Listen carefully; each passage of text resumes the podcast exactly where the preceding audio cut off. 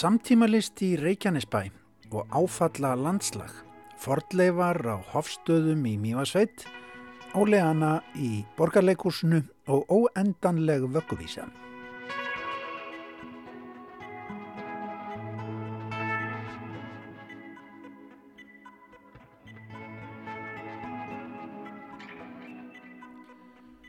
Undir lók þáttar í dag höldum við í heimsókn í listasafn Reykjanesbæjar og ræðum við nýjan sapstjóra sapsins Helgu Þórstóttur sem að tók við þar á bæ fyrr á þessu ári.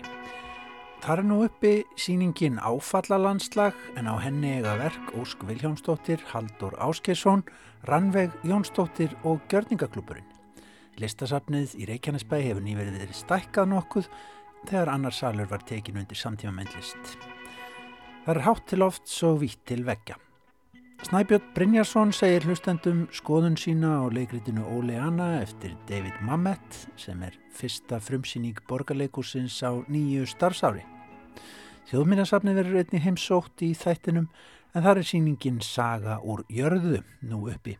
Hrann Konradsdóttir, forlegafræðingur, segir frá síningunni og rekur sögu forlegaransókna á Hofstöðum í Mývasveit.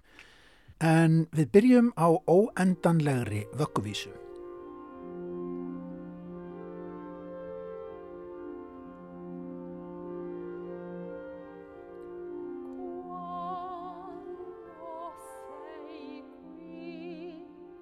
Kirkjan er áttind frá endurreysna tímanum og heitir San Carlo al Lazaretto. Einu sinni stóðum í rúmgóðum hallargarði en á undanförnum öldum þeirri 19. og þeirri 20. hefur þrengt mikið aðni. Þessi kirkja stendur í Milano á Ítalju og var einu sinni utan borgarveggja borgarinnar en er núna innan um fjölbílishús sem að standa ansi nálatenni. En það er inn í þessa litlu kirkju í Milano sem Ragnar Kjartansson, myndlistamæður, hefur verið að fjárstýra listaverki sínu inn í, ef svo má segja, síðustu daga. Verkið heitir Il Cielo in una stanza, heiminin í herberginu og það var fyrst sínt árið 2018 í listasafni í Cardiff í Wales en verður núna í rúman mánuð sínt í kirkjunni litlu í Milano. Tveir söngvarar skiptast á klukkustund í senn að syngja ítalst dægulag við orgelundirleik í sex tíma á dag, dag hvern í mánuð, aftur og aftur og aftur. Ragnar saði mér á dögunum þegar við rættum um Gilbert og George að þetta væri eitt af sínum uppáhaldslögum, eina poplæðið sem hann myndi eftir þar sem sungið er um að Ástin geti umbreytt rými, herbergi í þessu tilfelli. En lægið er engar vinsælt á Ítalju og er eftir Gino Paoli. Verkið þótti líka smelt passa við þá einsemd og einangrun sem margir Ítalir hafa fundið fyrir á undanförnum mánuðum þegar samkomu takmarkanir hafa verið hvað harðastar. Þetta er lag fólksins sem er aldrað í dag og hefur verið að sálast inn í lokað og einsamalt í herbergjum sínum, segir Ragnar í viðtali við New York Times um síninguna. En áður en að lengri haldið í vísi á dagsinn skulum við heyra smá brot úr verkinu.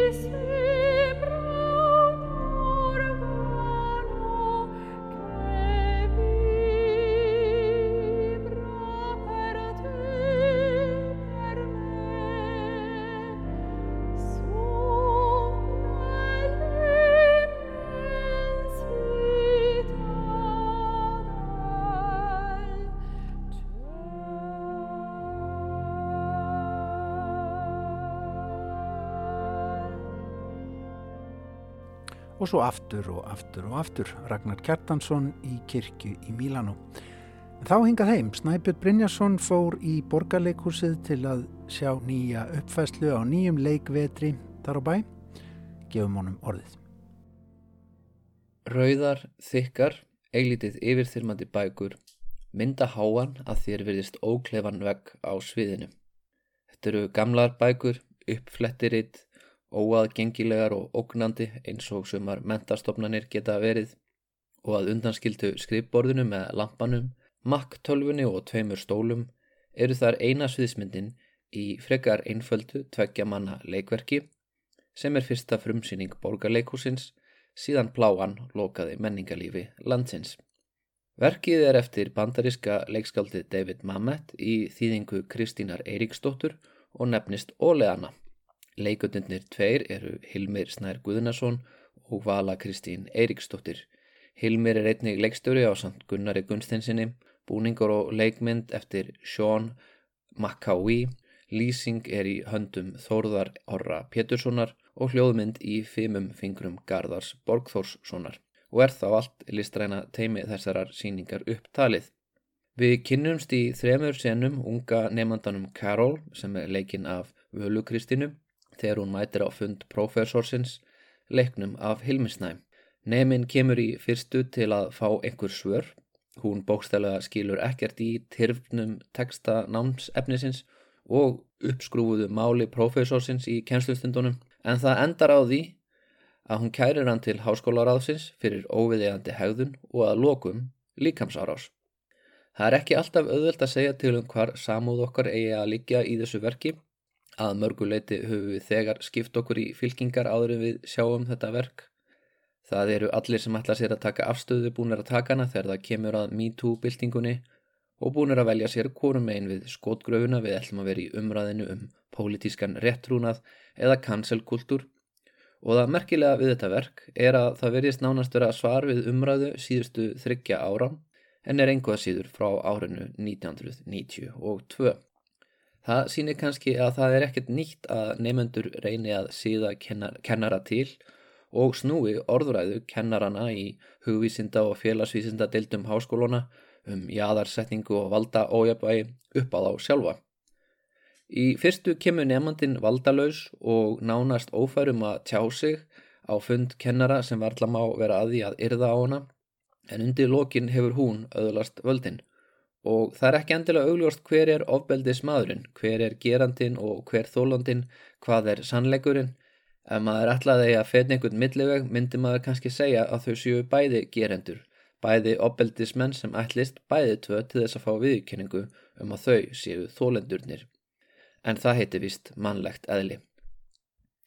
Eflaust hefur verið erfitt að þýða texta Mamet Hann hefur nokkuð sérstakann stíl, það er jafnvel talað um svo kallað Mamet speech eða Mamet mál en Kristínu tekst þokkalega til. Þetta er brotið tungumál hálfkláraðra settinga og framígripa og stundum gróft ekki ósvipað breska in your face leikúsins sem náði sínum hápunti um svipaða leiti og þetta verk var skrifað. En þó þetta teljist ekki beilinnis fagurt leikhúsmál þá er þarna engu að síður fagur fræði. Verkið er pólitíst og skilabóðis kannski óvinnilega á íslensku leiksviði. Nafn verksins Óle Anna vísar til fyrirmyndar samfélags sem norðmaðurinn Óle Bull ætlaði að stopna í Ameríku á 19. öld og varð innblástur að þjóðlægi sem gerði grínað svona utópískum pælingum.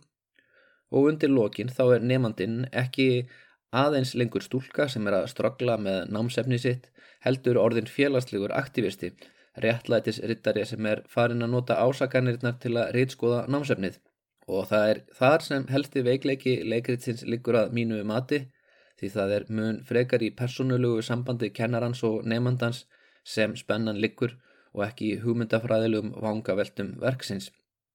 Engu að síður eru þær vangaveltir sem við getum tekið þaðan nokkuð augrandi. David Mamet er opinskár stuðningsmaður Donald Trump og Ísraels ríkis og það eru skoðanir sem ekki margir í íslenskum leikúsheimi hafa eða gangast við því að hafa.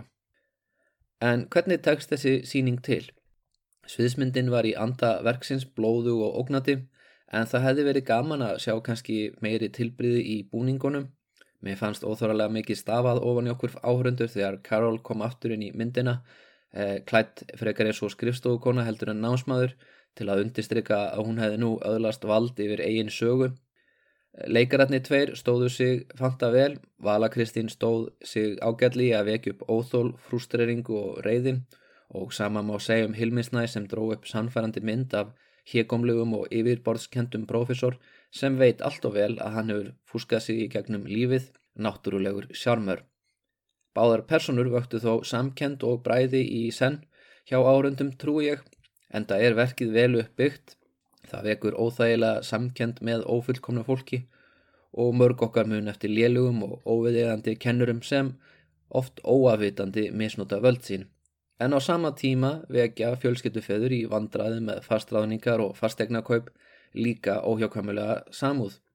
Eflaust veldur afstáð okkar til personuna að einhverju leiti á því hver við erum og okkar eigin fordumum en nálgist maður verkið með opnum huga vekur það eflaust ímsar hugrenningar og jafnvel eldheitar umræður. Saði Snæbjörn Brynjarsson. En áætlið bók vikunar á ráð seitt að þessu sinni frestast þessa vikuna vegna óviðráðanlegra aðstæna en það lifum við á tímum þar sem að skjótt skipast veður í lofti. Umræða um bókvikunar er því endurtekin á sunnudagsmorgun en þá heyrim við tal þeirra Sindra Freyssonar og Dagbjartar Kristjánsdóttur og umsjónamannsins Kristjáns Guðjónssonar um Fahrenheit 451 eftir Ray Bradbury, bók í þýðingu Þórdísar Backmann. Og Þórdís hafði þetta um bókina að segja á sínum tíma.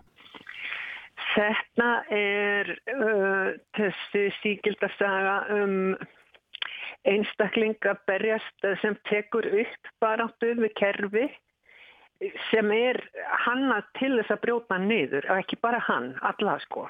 Þannig að á, á þannháttin sko kallast hún á við bæði 1984 og Brave New World. Í, í Farmætt 451 þá fylgjast við með manni sem er í brunaliði. Það er mjög sko, ég legg mikla áherslu á og það er ekki slökkulið heldur brunalið af því það slekkur ekki elda, það kveikir elda. Það brennir bækur, það er það sem hann starfar við, að brenna bækur. Og hann er fram að þessu alveg búin að kaupa, sko, hvað segja, gæðsaleppur nöðsinn þess að brenna bækur. Og, og slökkvælistinu að brunalið stjórin, hann er mjög svona, hann er með, með tilbúin að sko ræður, langa ræður um nöðsinn þess að brenna bækur. Þessi maður, Guy Montag, hann hittir stúlku í næsta húsi sem fyrir að tala með hann. Hún er eina mannskan sem hann hefur hitt í mörg mörg ár sem er ekki dofin af svona, hvað við segja, neistlu samfélagsmiðla. Og konan þessi til dæmis, hún er bara, þú veist, hún er blind og hirtnalega skakvart öllu öðru en því sem er á skjánum. Og vinkunur hennar sömu leiðis. En hann hittur þessa stúlku og hún, hún hefur bara mikil áhrif á hann, mjög mikil, hann fyrir að hugsa öðruvísi og hann hérna stilur einni bók á vettfangi og við sílikur, já, hvað, allir ekki bara döður afsing, allavegna hörður afsing, það er ekkit vægt tekið á slíku. Og það sem hefur svona sérstaklega mikil áhrif á hann, það er svona snem í bókinni þá þá uh, fara þeir að kveika í húsi konu sem hefur verið, uh, hefur verið sagt til hennar. Er svona möguleik á að koma nafnlausum ábundingum á framfæri við laurugluna. Það séu pottett bækur á hálóftinu hjá henni. Þeir fara, þeir kveiki húsinu og hún neytar að fara. Gamla konan sem á húsið. Hún neytar að fara, hún vil freka brenna inni með bókunum. Og þetta slæra hann bara svo óbáslega og hann fyrir að reyna að samfara konuna sínum að það, veist, það hlýtur að vera eitthvað í bókum til þess að fólk gerir svona og, og hún er alveg hörð á hinni línunni. Já, ekkert nema bull og einhverja, uppspunnið og, veist, tengist á engan hátt okkar daglega lífi. Annars fyrir mér sko þá er söguð þáðurinn eitt. En bókin er að verða sjötug.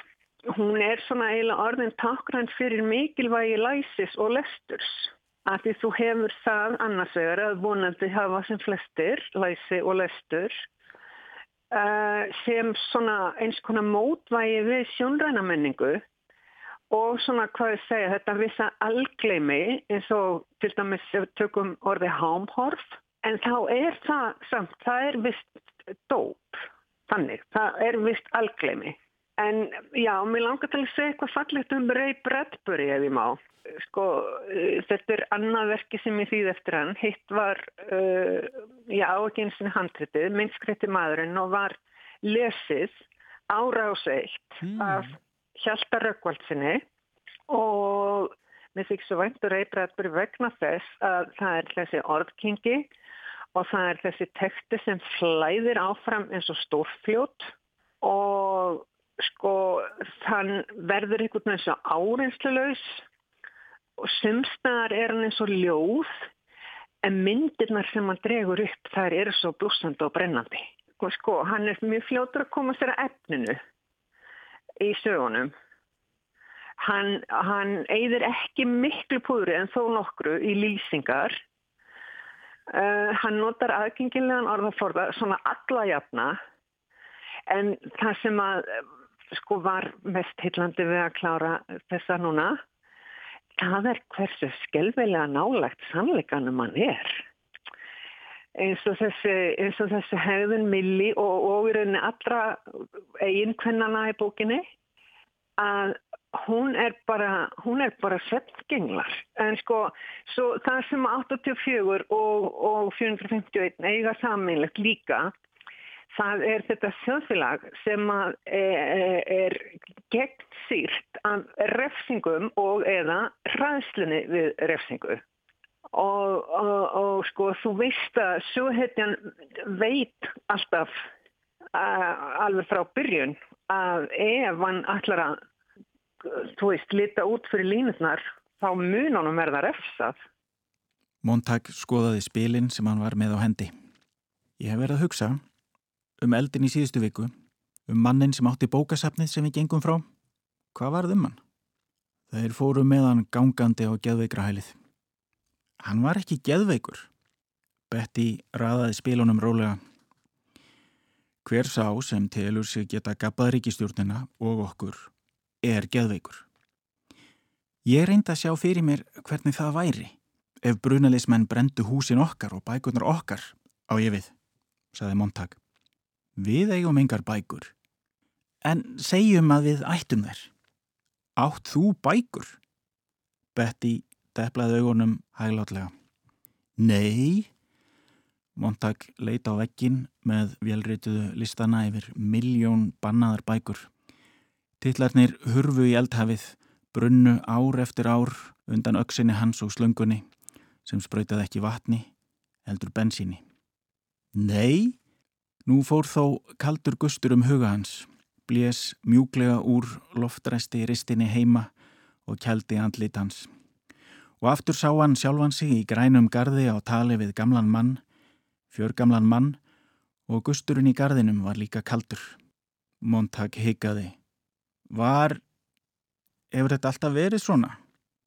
Brunastöðvarnar, störf okkar. Ég meina, einu sinni var, einu sinni var hussaði Betty. Hvers konar bull er þetta eiginlega? Bjáninðinn, hugsaði Montag, þú kemur upp um þig. Í síðasta bruna hafði hann litið á staka línu í bók með ævintýrum. Ég meina, sagðan, í gamla daga áður en hús voru alveg eldtröst. Skyndilega var eins og miklu yngri rött var að tala fyrir hann. Hann opnaði munnin og það var Clarice MacClellan sem talaði. Slögtu brunalegismenn ekki elda í staðis að kveikja þá? Það er aldeilis. Stoneman og Black dróðu fram reglugerðarbækur sínar sem einnig voru með útdrátt úr sögu bandarískra brunalegismanna og lögðu þær þar sem Montagat lesið, þótt að væri velkunnur þessum klausum. Stopnað 1790 til þess að brenna ensk sinnaðar bækur í nýlendunum. Fyrsti brunalegismadurinn Benjamin Franklin. Regla 1. Svara útkalli þegar í stað. Regla 2. Kveikja eldin þegar í stað. Regla 3. Brenna allt. Regla 4. Snúa samstundis aftur á stöðina. Regla 5. Vera búin undir önnur útkall. Dagur Gunnarsson las þarna stuttbrot úr bókvikunar sem er endurtekinn þessa vikuna af óviðránlegum ástæðum. Fahrenheit 451 eftir Ray Bradbury. Meira um hana á sunnundasmorgun hér á Rás 1. En þá höfum við að fordleifum og sendum boltan til höllu Harðardóttur. Þá er við sjá mætt í þjóðminnarsafnið en hér á ég stefnumót við Hrönn Konradsdóttur fordlega fræðing og verkefnastjóra heljarna síningar sem að nú stendur yfir hér í einum sal sapsins Saga úr jörðu síningin rekur sögu fordlegaransókna á hofstöðum í Mývasveit Sæl og blessu hrönn. Já, sæl. Þetta er eh, ansi merkileg saga sem að þessi bær í Mývasveit varpar ljósi á, saga sem byrjar eiginlega á vikingöld, ekki satt? Jú, uh, fyrir 940 í rauninni og það er svona raun, uh, það sem hefur fundist uh, nýlegast er fyrir 940 mm -hmm. Skálinn stóri sem var grafinat upp sem er 38 metra langur alveg sérstaklega langur hann var, var í nótkunn frá svona 940 og til 1070 mm -hmm. svo hefur verið grafið þannig upp kirkjugarður sem var í nótkunn frá miðri tíundu öld og til 1300 en eftir er um, bæjarhóllin sjálfur mm -hmm. hann er ennþá eftir en svo fundist þannig að 2016 fundist menjar uh, efst í landinu sem er lítill skáli líka og hann er mögulega fyrir 940 Þetta eru ansi viðamikla rannsóknir, eigum við ekki að byrja hérna bara á byrjunni og rölda kannski bara rætt yfir söguna. Fókussýningarinnar er uh, þessi fordlefa uppgröftur. Ef ekki bara byrja þar á byrjuninni? Já, uh, fordlefa uppgröfturinn, sko, sýningin er í samstarfi við Fordlefastofnun Íslands og þaðan komu uh, sýningarhöfundar, Guðrún Alda Gísladóttir, uh, gripafræðingur og Hildur Gerstóttir, beinafræðingur. Og, en uppgröftur hefur staðið yfir í að verða þrjá áratíi áherstöðum. Þetta er eitt mest rannsakaðasta mest rannsakaðasti staður á landinu og þess vegna höfum við svona miklar upplýsingar. Mm -hmm.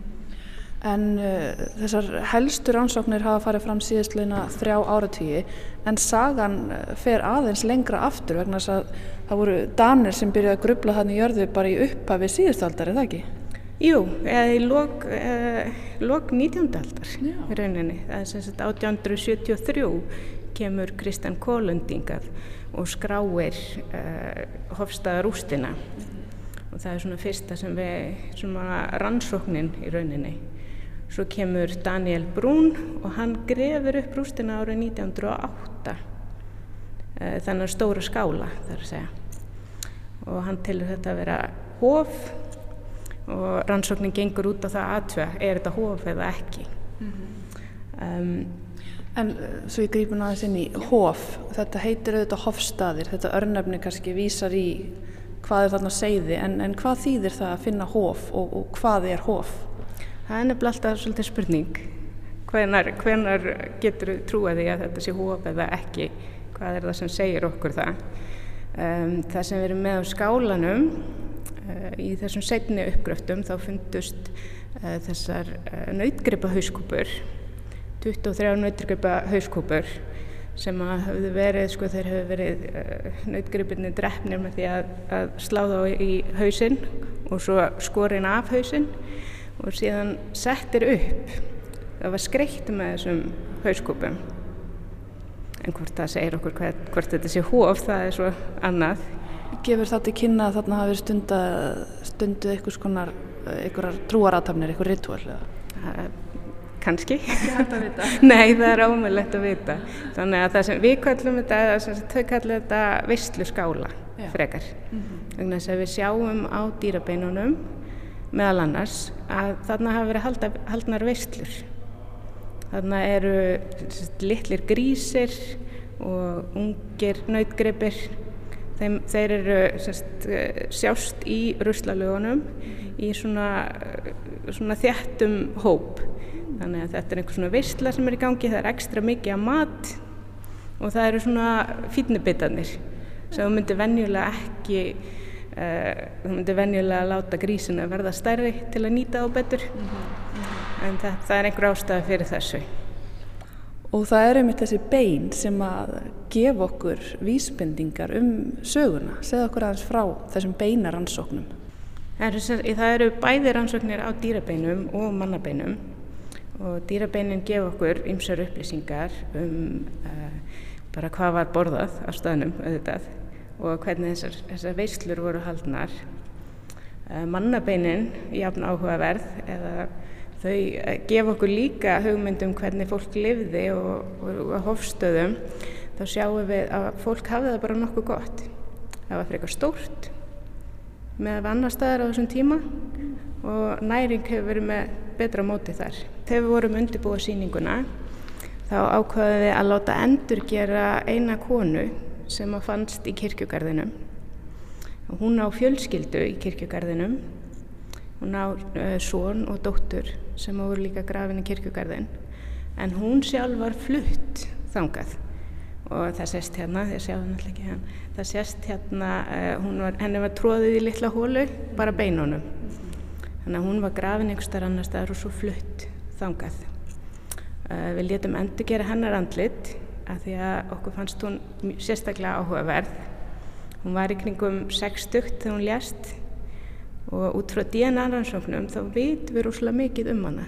Við veitum, uh, reyndar út frá beinarannsóknunum, þá veitum við að hún vann erfiðisvinnu.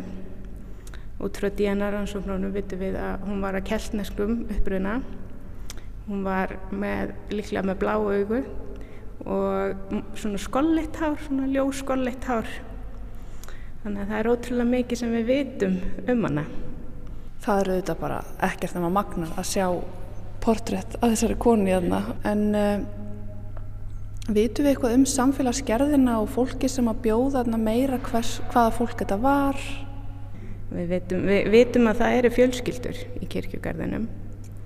Við vitum að uh, það hafa verið sjúkdómar uh, sem er hafa þjást af slæmum sjúkdómum. Það er einstakt merki um mergæksli í henni gröfinni og þar er kona sem hefur þjáðst mjög mikið hún er með, með gött í hauskúpunni og kjálkanum og hún hefur ekki borðað neitt seinustu eh, hún sérst hefur bara fengið uh, fljótandi fæði undir lokin og einhver hefur hugsað um þessu koni Já. við veitum það okay.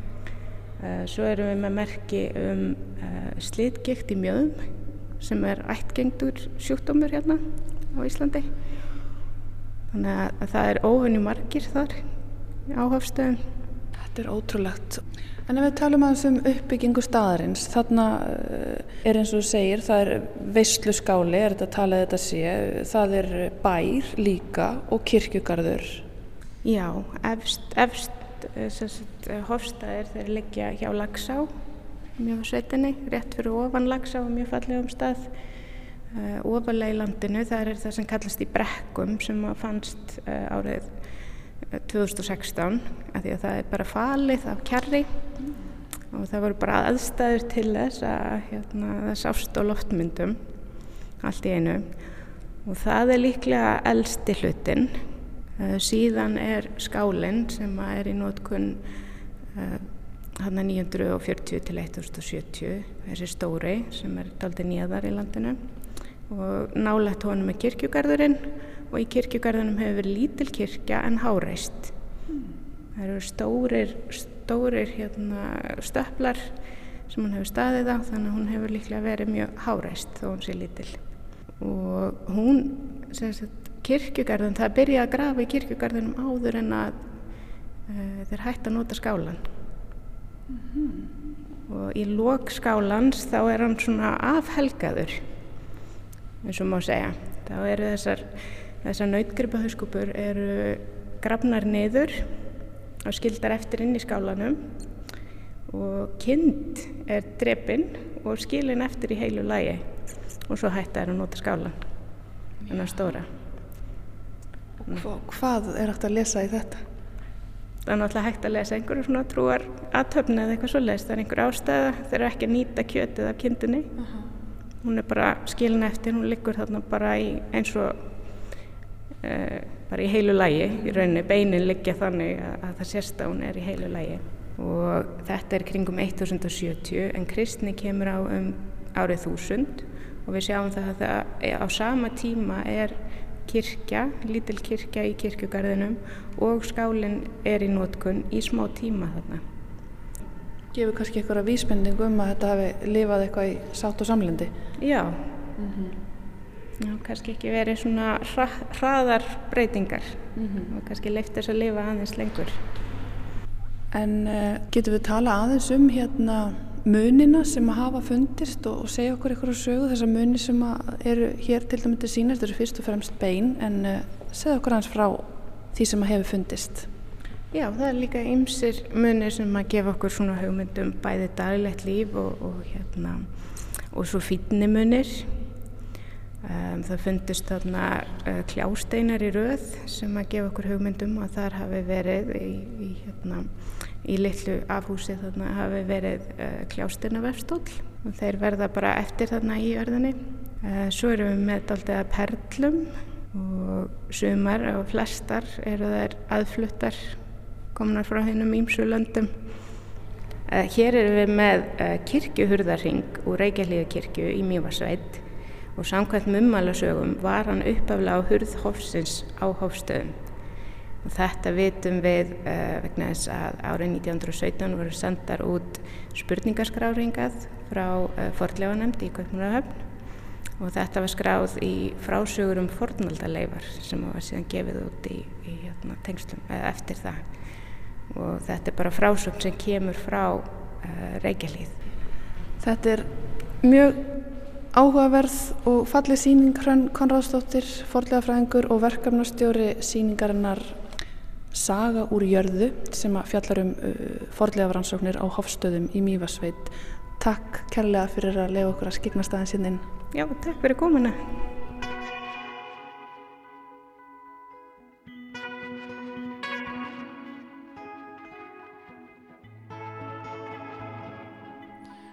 Úr forleifanum í þjóminnarsafninu förum við í Reykjanesbæ.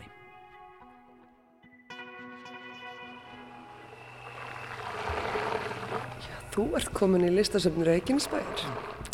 Sýningin heitir aftur? Hún heitir Áfalla landslag eða Landscapes of Trauma.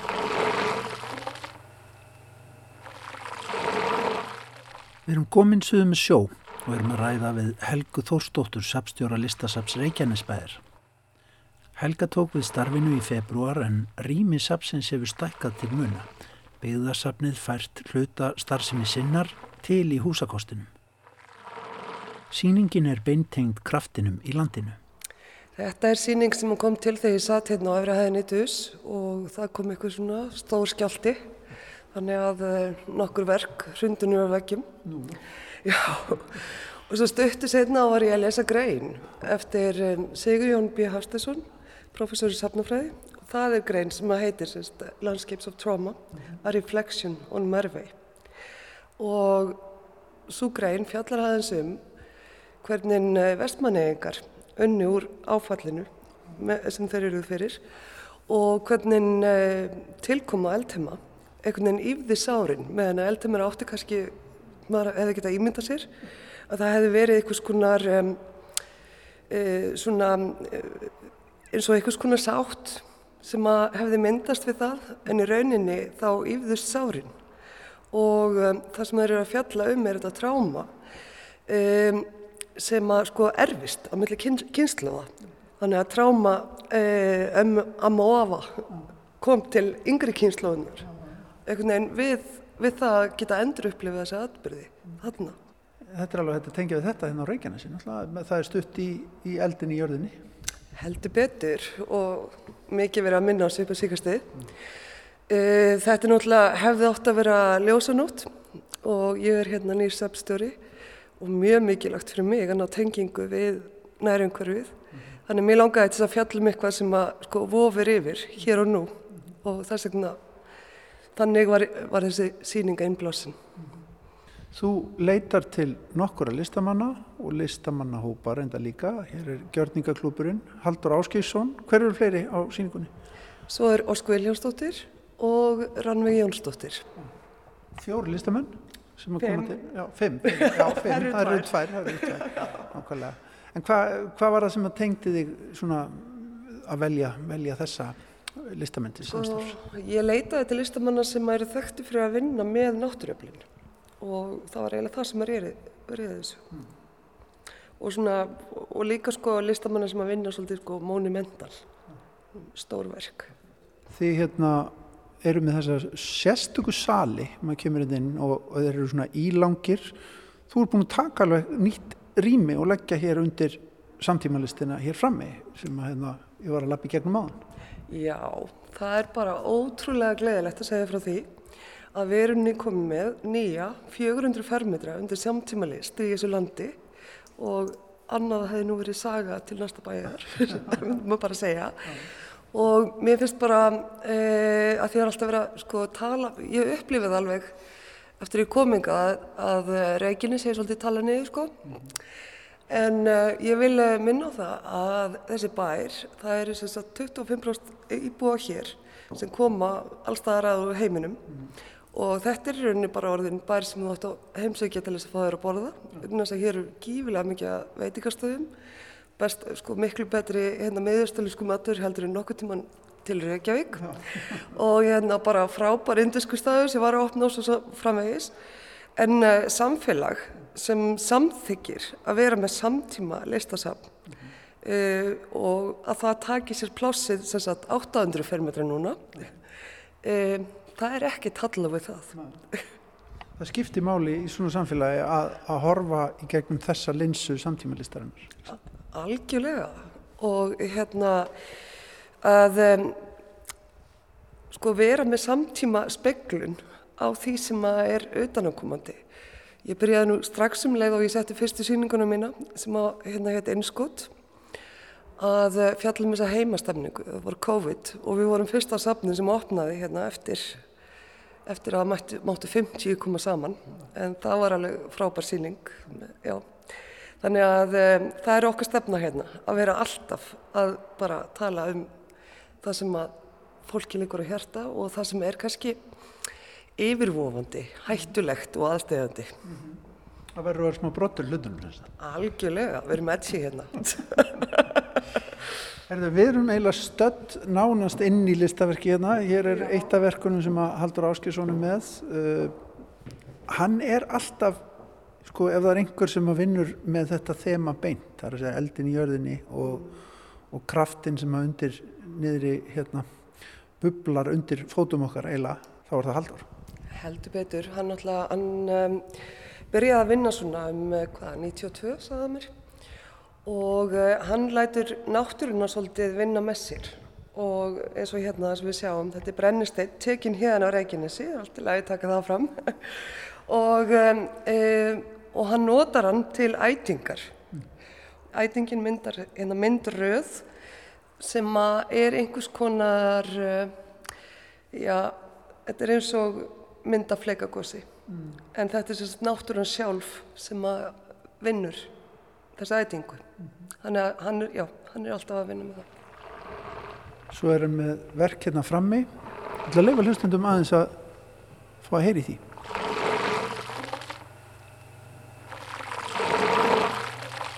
Þetta eru hljóðin í Blóðsjó Haldós Áskilssonar, innsetningu sem er innblásin af skrifum eldklerksins Jón Stengrimssonar. Við lesum rauðmálaðan texta verksins. Þennan dag tók verulegur hluti af hraunflóðinu að hverfa í stóran svelg. Þar sem í eina tíð hafi verið djúft veiðivatn melli Skaftárdals og Ár, en Skaftá síðan borið auð í það í hlaupi.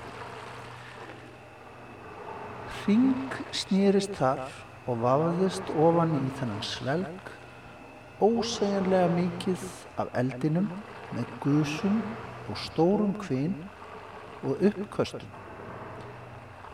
Eins og þá látin er lögur í stórt ílát, hvar ei nema eitt gat eða opnan á. Blóðsjór og ennþá var eldurinn að snúast ofan í fyrrnemdan svelg. sér að Jón Stengrimsson 13. júni 1783.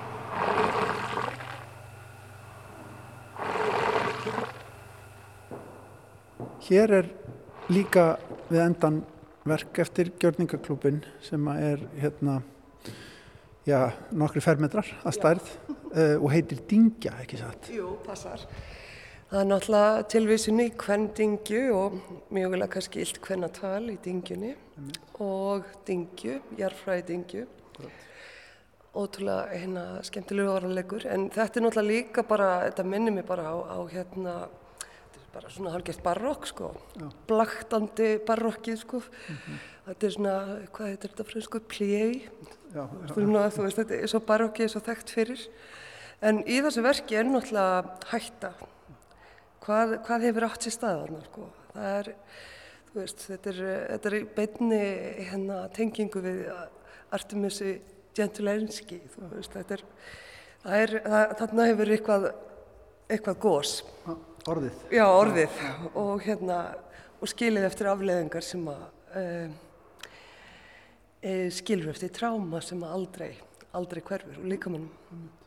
Við hérna lýsum þessu kannski ekki nákvæmlega fyrir hlustundum þeir verða þetta bara að koma hingað í, í, í Reykjanesbæð til þess að skoða þetta hjá okkur. Eh, þetta er samt sko, þetta er rúm, þetta er uh, sængur sem að hér liggi verið öllu, það er einhver mýkt yfir þessu mm og hérna eitthvað mjög svona gjörningaklúpslegt. Já, já, þær eru alltaf staddar á einhverjum svona góðsögulegum slóðum sko og við hérna við skinnjum það. Þetta er kannski og hættan er akkurat mjög náleg í öllum þeirra verkum Einmitt. eins og í öllum góðum góðsögum Einmitt. Það er líka undirstrykað hér með röðri lýsingu og svona daldi dölaföllum andblæ verksins. Já það er voru hérna í marga daga að, að hérna lýsa verkið upp sko. Já. og strauja e, efnið og leggja það. Stilla þetta allt rétt af. Já. En hér frammi er líka uh, kona sem við skulum aðeins skoða, ung listakona sem að hérna, þú getur sagt mig frá þá færumstu aftur inn í hljóðheim í verkinu hans, hans Haldós hérna eru rauðar myndir upp á vegg sem eru ja, torkennilegar við fyrstu sín en tengjast líka kraftinum sem að býr í landinu, ekki satt? Jú, þetta er ung listakonna Rannveig Jónsdóttir sem er, um, hvað hún útskræðast fyrir árið síðan frá, uh, með mestaragræði frá Málmu og uh, hún sem sagt valdi að fara tilbaka í sin heimabæ og hún býr á Ísafjörði og þetta er silki þrygg sem má segja að þetta séu sko grunnmyndir af snjóflóðum sem að hafa fallið á Ísafjörði bara rétt við það sem að hún býr. Og svo segir hún svona litla sögur uh, frá flóðunum sko.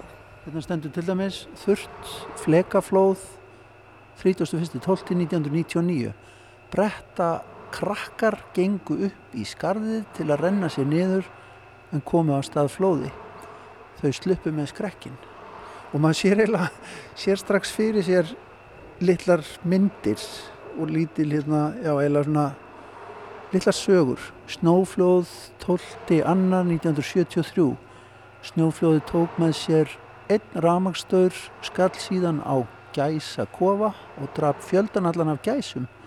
Þrjár komust lifandi úr flóðinu. Þetta er náttúrulega eins og svona einhverjar myndhækur sem hérna hér byrtast. Lítil knöpp form og, og maður fær þess að byrtast myndir í höðun á manni. Algjörlega, hún vinnur svolítið mikið þannig og um, hún vinnur líka mjög mikið með hljóð en hérna þessu verki fylgir hljóðmynd sem er hérna í högmyndinni við leiðina en við erum með grunnmynd af um, höggmyndinni og um, hljóðmyndin hún byrtist okkur á svona hvað, sex mínuna fresti mm. og minnir okkur á, á hljóðið sem að hefur ókveikandi hljóð sem að e, heyrist áðurinn að flóði fyrir að stað þannig að það er svolítið magnað en hérna, já ég veit ekki hvernig maður að segja það sko en, en hérna fadrinnar er myndlistamæður Jón Sigur Pálsson og uh, móður hennar er hérna sem sagt tónlistamæður Margret Jónsdóttir og þannig að hún uh, vinnur svolítið bæði með tónlist og myndlist svona setur það saman einhver, einhver áhrif þar, geti ég trúið.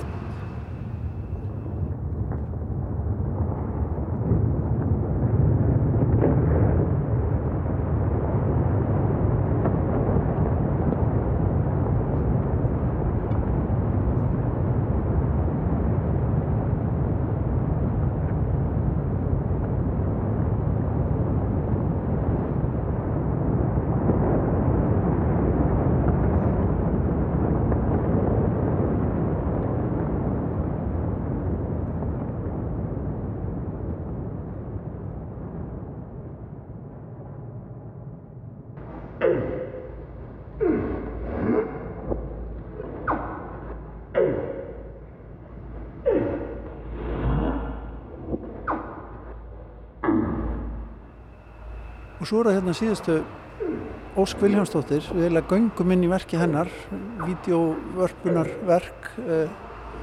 Hún er hérna bara í nágræninu, eða ekki með hugan?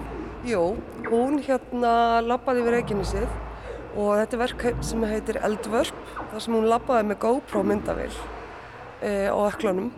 Á öklanum, já. Já, já, en það maður er alveg niður við, við svörðin í landinu. Algjörlega og þetta er svolítið sko eins og landi sé að kýla þið tilbaka. Já. Og það er þess sem var mikilvægt að ná upp sko þessum stóra skalla Já. í verkinu. Og, um, og bara aftur, og komum við að því, það er svo mikilvægt fyrir listasafn að vera með sal sem að þóli svona verk. Þetta er hérna, þannig að þegar maður stendur svona inni hérna núna og hérna, þetta er alltaf reyfingu fyrir framann augun á okkur og svona færi eiginlega hálfgerða svona sundlunar tilfinningu. Það er líklega að sá effekt sem hún vil ná fram. Algjörlega og hún náttúrulega um, er náttúrulega mikil baráttu kona við eina fyrir landvend og um, hefur svo lengi líka verið með svona endurance performansa sem að tengjast náttúrunni. Hún svona hálf, hálf spila við náttúruna í öllum sínum verkum. Það snýst um hennar úthald, hennar samspil, hennar upplifun en svo miðlun líka fram til okkar. Akkurat og hérna hún er náttúrulega svo ofbúslegur estotíker þannig að við hérna henni svo vel sko. Þetta er mjög, eins og segir, það er svo hressandi að koma inn í rými sem er svona, sem er alltaf mikið umbreytt með á alltaf stórum skala og það eru mögulegandi kannski í þessum sal hérna og þessum sem að þið eru að taka í nótkunn að hér er þetta að gera sem margt. Algjörlega, þetta er náttúrulega bara býður upp á einhvers konar samstarf, alþjóðlegt og annað og hérna sjáu þið til sko að mun enginn segja að Reykjanesbær segja hallari slegur hérna. Not when I'm through. Þú, þú vilt stimpla bæinn inn sem, sem já, daldi myndlistabæði með brott. Heldur betur sko, þetta er bara kúlistabær það er bara þannig sem þetta er. Það sé bara gangið vel. Takk fyrir það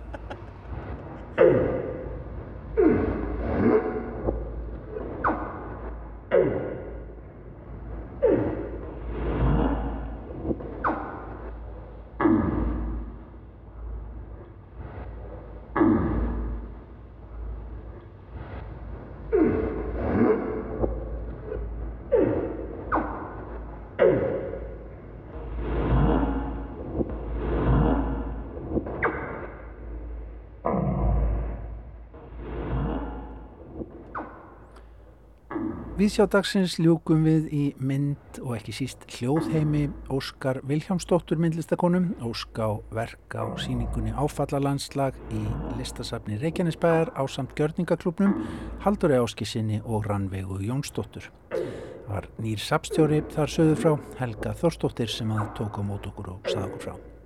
En svona líkur Viðsjá í dag, ágættu hlustendur, verðum hér aftur á morgun á saman tíma, verðið sæl.